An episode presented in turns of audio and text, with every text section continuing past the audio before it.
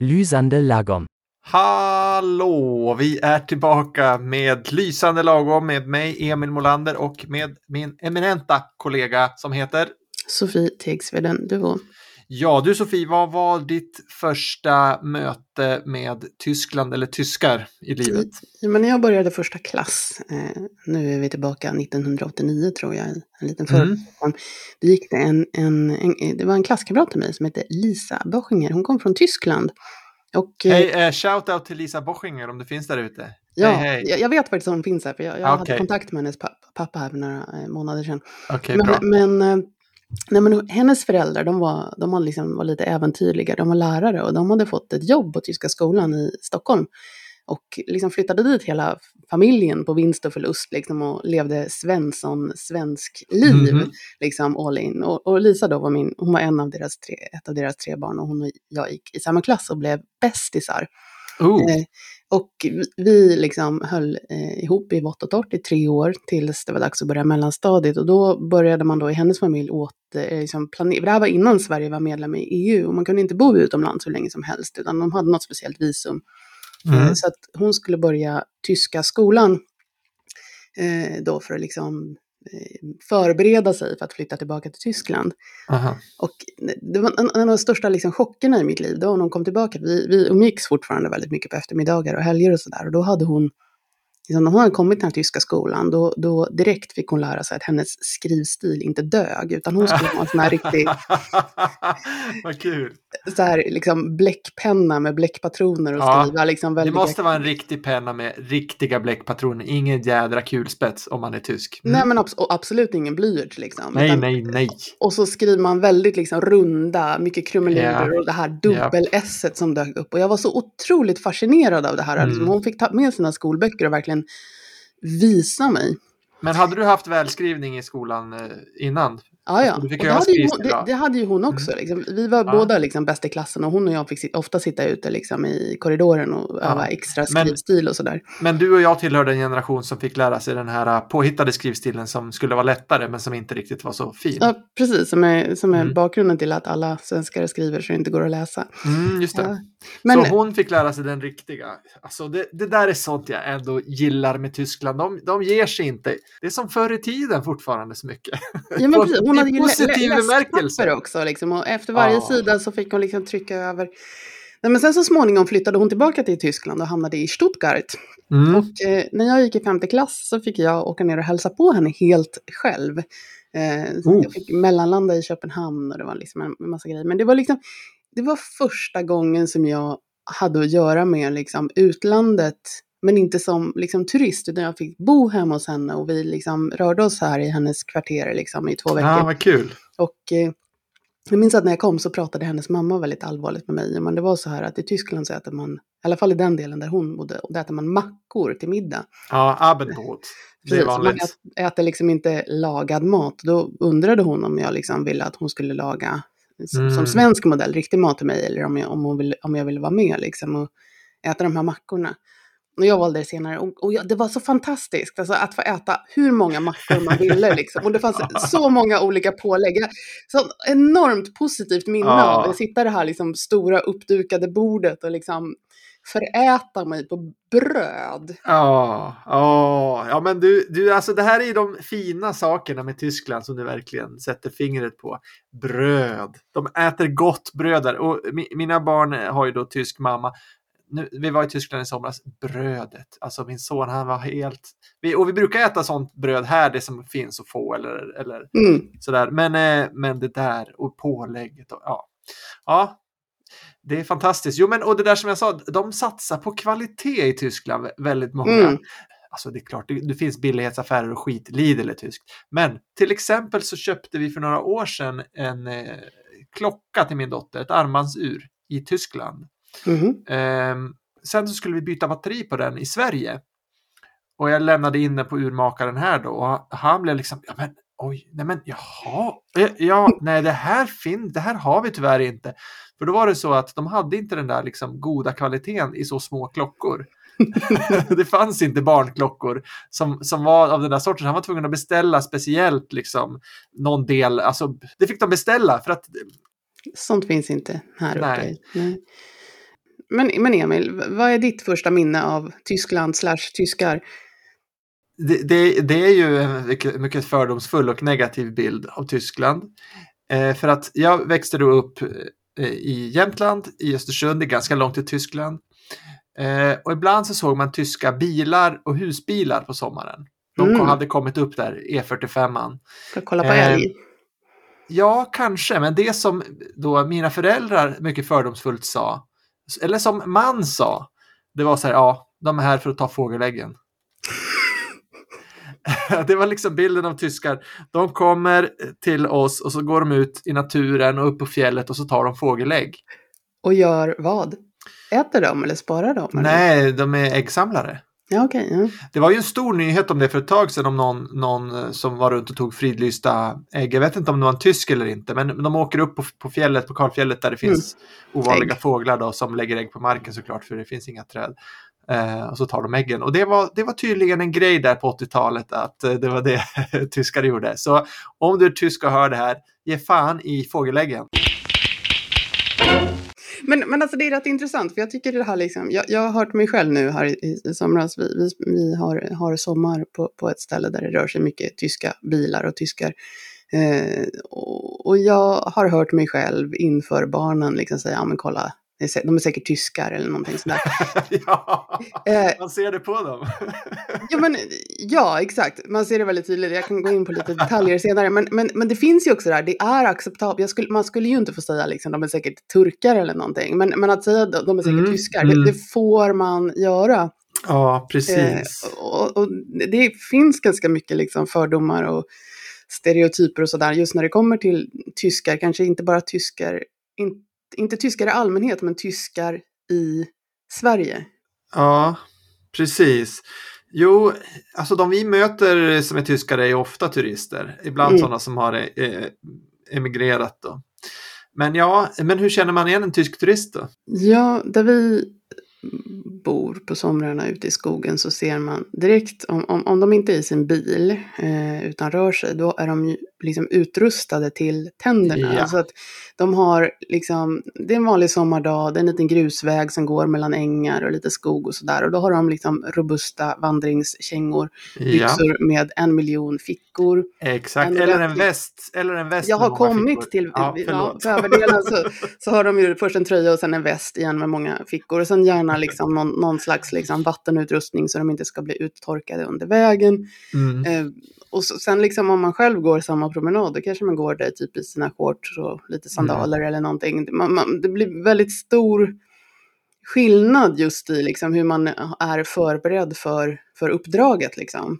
Ja, jo men det är roligt. Alltså det måste vara någonting som händer typ när man fyller 35 eller någonting som tysk kvinna. Då får man en väst, en dunväst från staten tror jag.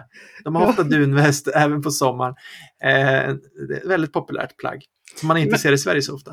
Men om man ser dem i bil så, så ser man också att de gärna kör utanför vägen. Eh, Mhm. Alltså gärna när det är liksom en liten strandkant eller någonting sånt. Att de liksom, i, där, där man liksom som, som lokalinvånare kanske parkerar lite vid liksom sidan av vägen så kan de gärna följa gång, det som svenskar ser som gångstigar, Mhm. liksom gärna ut på stranden och sanden och så vidare och liksom kör eh, längre än vad, vad man egentligen får. Men där hade vi en Mm. intressant diskussion. Därför att, eh, min, min man då som är fransk och har lite erfarenhet av kontinenten, han sa att det här var helt naturligt eftersom det inte sitter några förbudsskyltar Mm. uppsatta. Liksom, att de, de, eh, de här tyskarna då, de, de, de behöver liksom få ett tydligt nej för att förstå att de inte ska få göra någonting, enligt våra fördomar då förstås. Ja, ja men alltså det där, det ligger någonting i det där att i Tyskland, i Tyskland så har man formaliserat så mycket av eh, det som eh, här i Sverige går under begreppet folkvett. Mm. Alltså att så så där gör man bara inte. Eh, eller man kan göra det om man vill men då kommer grannarna se lite sura ut ungefär. Men det är liksom, finns, det finns eh, på pränt liksom. Det som är oskrivna regler här är skrivna regler där.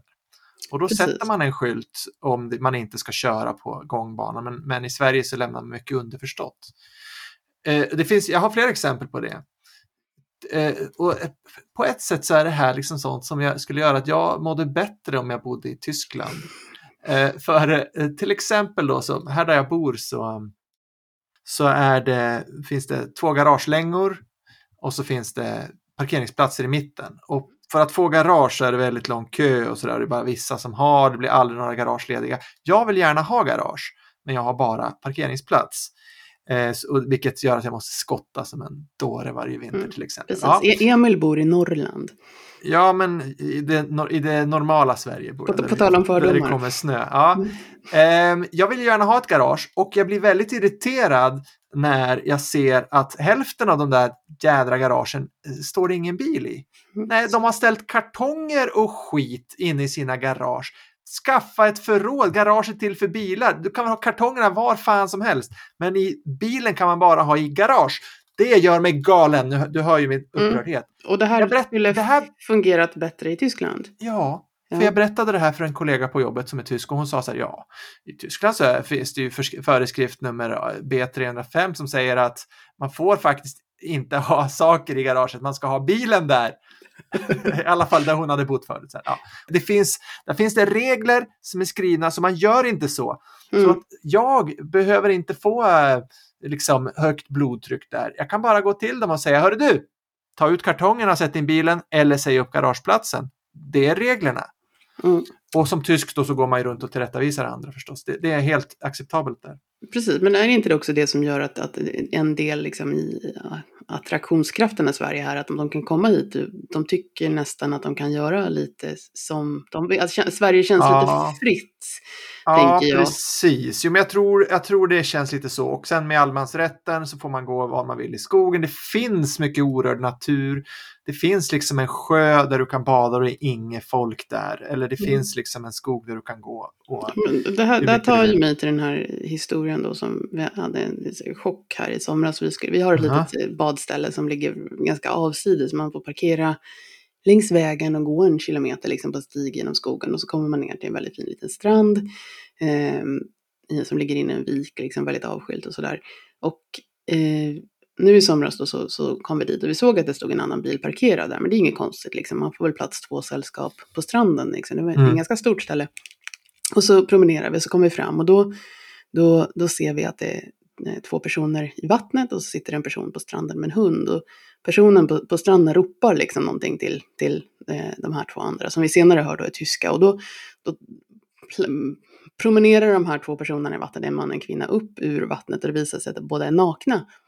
Eh, men, men där blir det en kulturkrock, för det är jag, det är jag som svensk, liksom, jag förväntar mig då att när man, när man har badat naken, som man kan göra kanske ibland, då kanske man lägger sin handduk på, på stranden eller bryggan och så liksom gör man övergången från, från vattnet till land liksom ganska diskret och sveper in sig direkt. Men, men här... Man skyller sig. Så, när, även när man går upp ur vattnet, om det är folk där, så lägger du väl ändå handen över lite och skyller dig lite för deras skull. Ja, men, gjort men det gjorde det så de här två personerna inte, utan de, de tog verkligen tid på sig och liksom skyltade med hela paketet och liksom Och, och, och vi, vi kände oss väldigt sådär liksom svenska där. Vi, vi, vi väntade ut dem och tänkte vi kan ge dem lite space här så de, de liksom kan leta fram sina handdukar. Det kanske inte är så konstigt, de är ute i Mm. skogen och visste inte att det skulle komma någon.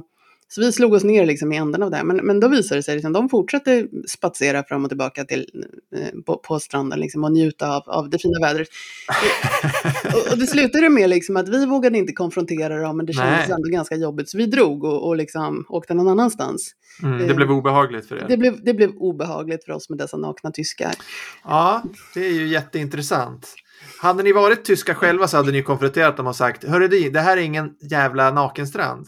Nej, Det, det hade varit det tyska sättet. trots att det inte finns en skylt som säger att man måste ha badkläder. Nej, men precis. Men som svensk så, så säger man ingenting då för att det, det känns jobbigt. Ja. Men vad gick eh, för sig gick i deras huvud då? Vad tänkte de kring det här tror du? Nej men, eh, jag tänker, de, de hade ju kommit till den här stranden och antagligen, de hade en svensk bil så jag tror att de kanske är i Sverige ofta eller bor här. Att de tänker väl, ja men hit kommer nästan aldrig någon, det är klart man kan bada naken. Även Mm. om det liksom inte är utsatt nudist, som nudiststrand, för det är det inte i Sverige. Eh, man kan ju bada naken där. Alltså, man kan bada naken, skulle precis. väl man kunna göra. Absolut. Det, det, det, det tror jag många svenskar gör, liksom. men, men jag tror att där blev det liksom en liten så här, de här sociala eller kulturella koderna. Just att i Sverige finns det en liten oskriven regel att man, man skyler sig och att man liksom, när man badar naken så, så gör man det liksom för att få flyta runt utan baddräkt i vattnet. Men det handlar inte så mycket om att liksom gå runt och Nej. känna styrkan i naturen och sin kontakt med naturen. Att, Man, man är naken i vattnet, men man är inte naken på land när man nakenbadar som svensk. nej, precis. Och jag tror att där har vi nog lite så olika uppfattningar om hur man liksom är i naturen. Mm. Att, Alltså vi, vi brukar ju säga, eller jag tror jag sagt någon gång i den här podden så här, att svenskar har ju liksom ett mer okomplicerat förhållande till nakenhet. Det är inget konstigt att basta naken med någon och sådär. Men eh, tyskar slår oss i det då i så fall. Ja, det är väl en del tyskar tror jag. Jag tror inte alla Okej. tyskar skulle, skulle vara super liksom, keen på att gå runt nakna. Men, men jag tror att svenskar hela tiden känner liksom att man måste ta hänsyn till omgivningen enligt Mm. vissa oskrivna regler. Så, som, och vad ska man säga, in, ingen, ingen skuld faller på de här personerna, så de har väl ingen koll liksom. Och de tyckte väl vi betedde oss jättemystiskt, de drog också. Ja. Nej, men och, och det, sen är det ju relativt vanligt i Tyskland med eh, nudism. Mm. Alltså det heter FKK, Freikörperkultur, fri Mm. kroppskultur då. Ehm, och det, det är liksom organiserat och det finns stora stränder som är, alltså det är någonting man håller på med. Det kan vara liksom en, ja men vi är nudister i vår familj ungefär. Mm. Sånt. Ja, men precis. Det, Det, det, jag, det träffar man väldigt sällan på i Sverige. Det finns ju, men det är en liten subkultur här. Men i Tyskland är det fortfarande ganska stort tror jag. Men, men, men är inte det också det, det som liksom händer? Att för, för oss är liksom nakenheten ingenting speciellt, så därför Nej, behöver man liksom inte göra en, en stor grej av att vara nudist, utan man kan ta sig ett nakendopp och sen liksom torkar man sig och ja, ser till att liksom inte inkräkta på någon annans personliga sfär. Men, men i, om man har ett liksom mer komplicerat förhållande till liksom, att vara naken eller sex Mm. och sådär, då kanske man också tar ett större, alltså det blir en större grej. Mm, det blir en identitetsfråga kanske i, ett, i en katolsk omgivning. Att jag är en sån som går naken ibland. Ja, Ja, just det. Ja. Jag tycker i allmänhet att svensk och tysk kultur är väldigt lik. Alltså väldigt mycket som är samma, men, men, eh, men eh, ja.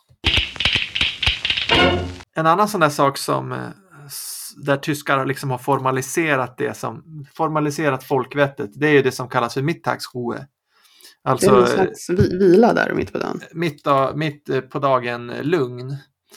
Och det är inte vila utan det är att man inte ska väsnas. Man ska inte väsnas, okej. ja. Ehm, Så om du har en trädgård så kan du gärna klippa gräset på helgen men du får inte göra det mellan 12 och 3 eller något sånt där. De har fasta tider också, jag kommer inte ihåg vilka tider exakt det är. Du får, men när klockan har slagit tre då kan du börja klippa gräset. Ehm, och, eh, och samma med spela hög musik och så där. Det är liksom, och om du bryter mot det då kommer du få en utskällning sannolikt. För att eh, det, det där är liksom det där är, det, ka- okej det kanske inte är, liksom står i lagen men, men det här är liksom en, det har ett namn, det är en allmänt accepterad kulturell sak. I Sverige så, så tycker vi ju också kanske att man inte ska klippa gräset precis när grannarna sitter och fikar. Okej, nu har, nu har alla robotgräsklippare så nu låter det ingenting. Då. Men, men, eh, men kanske att man inte drar igång sin häcksax som låter mitt precis när de sitter har satt sig. Precis, men det är, inte, det är inte associerat med en särskild tidpunkt, tänker jag. Nej, och vi har utan inget liksom ord för. Kvällen, ja. Jag tror mycket på det där att om någonting heter någonting då, då kan man göra det, då kan man prata Mm. om det, då kan det med mittagsroe, vi borde kanske skaffa ett ord för det. Ja, men jag tänker, det, det, jag, jag sa ju i dina anteckningar här och då står det liksom middagsro istället för hjärntumör. ja, Och jag ja, är men, väldigt nyfiken på. jo, men det är det här eh, eh, klassiska sägningen I don't get angry, I grow a tumor. Jag tror det är Woody Allen. Alltså, jag som svensk, eh, om grannen drar igång gräsklippan eller något jädra oväsen när jag vill sitta ute och fika. Jag blir ju irriterad, ja, men jag liksom håller det inom mig Mm, och släpp, får inget utlopp för det. Men om jag hade varit tysk, då hade jag fått utlopp. Om jag hade Mm. varit i Tyskland, för då hade jag gått till grannen och sagt, hör du, nu är det mittagsroe, får du vänta. Och så är det löst. Men Mm. nu sitter jag istället där och fikar och, och det väsnas och jag, jag, jag mår dåligt av det. Mm. Så, Ja, men precis som jag gjorde på, på stranden. Jag, jag, jag Ja. tänker också, också på, en, på, tal om, på tal om strand. Jag berättade, jag, jag har en, en kursdeltagare som kommer från Nederländerna. Och av någon anledning så, så ville jag prata av mig då om alla de här tyskarna på eh, mm, hur, hur de beter sig i den svenska naturen. Och då berättade hon att i Nederländerna så har man en helt annan bild av tyska turister. Och då Mhm. särskilt tyska turister som eh, är på badsemester. ja. Min fråga till dig Emil, vad gör tyskar på nederländska stränder? ja, alltså det här tror jag är, eh, jag tror att det är det som jag har sett på, på nätet och sådär som jag inte har märkt i Sverige. Men det är att tyskar går upp supertidigt och lägger handdukar på de bästa platserna. Så att de har paxat. Det här är säkert sant, men, men det är inte det svaret som, som Ah, okej. jag har. Utan Nej, vad gör de då? De, de går ut på de här nederländska eh, Atlantstränderna med en liten spade. Och så gräver de sig en grop. Aha. Och sen så ägnar de liksom dagen åt att ligga i den här gropen.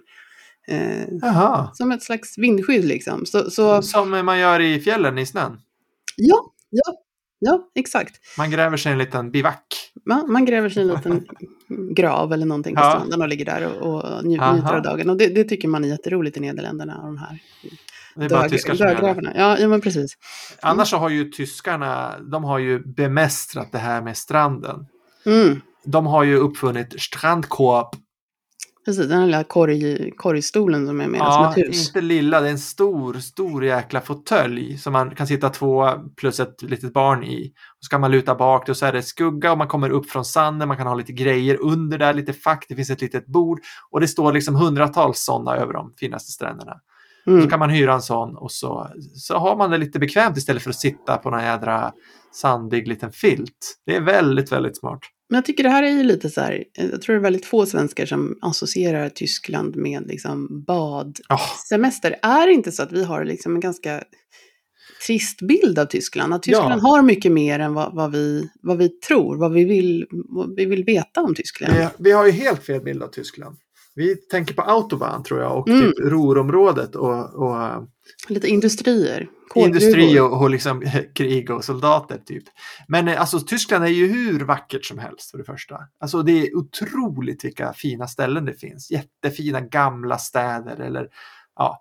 Och eh, superbra badplatser. Jag badade i somras både nere i söder i eh, Bådensjön. Skitbra bad med, med Alperna runt om. Man kunde se Schweiz och Österrike. Eh, samtidigt som man badade i Tyskland. Det var coolt. Och sen badade jag även uppe i Nordsjön då. Eh, Mm. eh, det finns jättefina badöar där dit inga andra förutom tyskar och kanske någon holländare kommer. De här eh, frisiska öarna och även lite längre österut i Östersjön där har jag inte varit. Men alltså det finns ju hur bra badställen som helst och jättefina stränder. Det är helt sjukt att inga svenskar åker dit. Men ja, tips. Jag kommer inte berätta vad stället dit jag brukar åka att det vill man ha för sig själv. Men, men varför sitter vi här och pratar om Tyskland?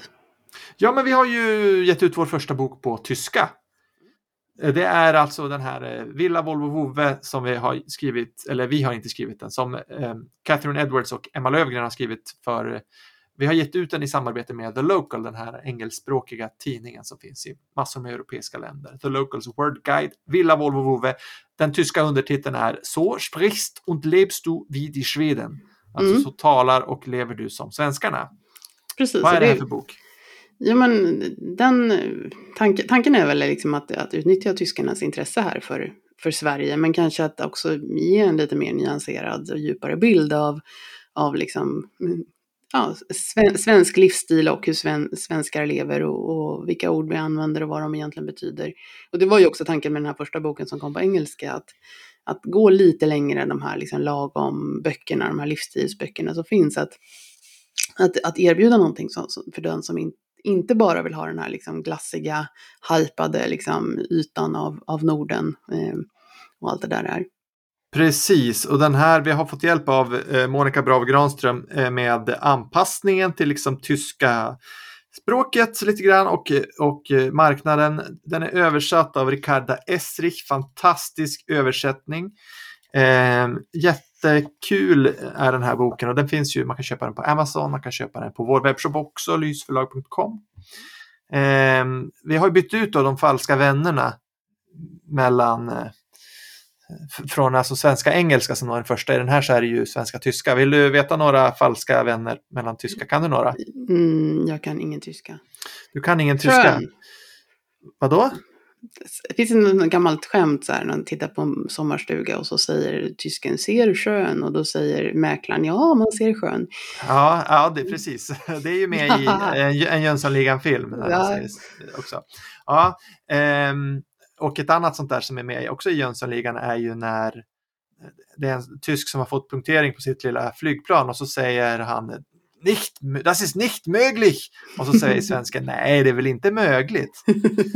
Eh, men sen, och sen har vi då också det här klassiska felet som drabbar många eh, tyskar som kommer till Sverige, att de köper saft Mm, Jag jag tror att det är juice. Ja, för juice heter då saft på tyska. De köper koncentrerad saft och häller upp och så Mm. smakar det väldigt illa.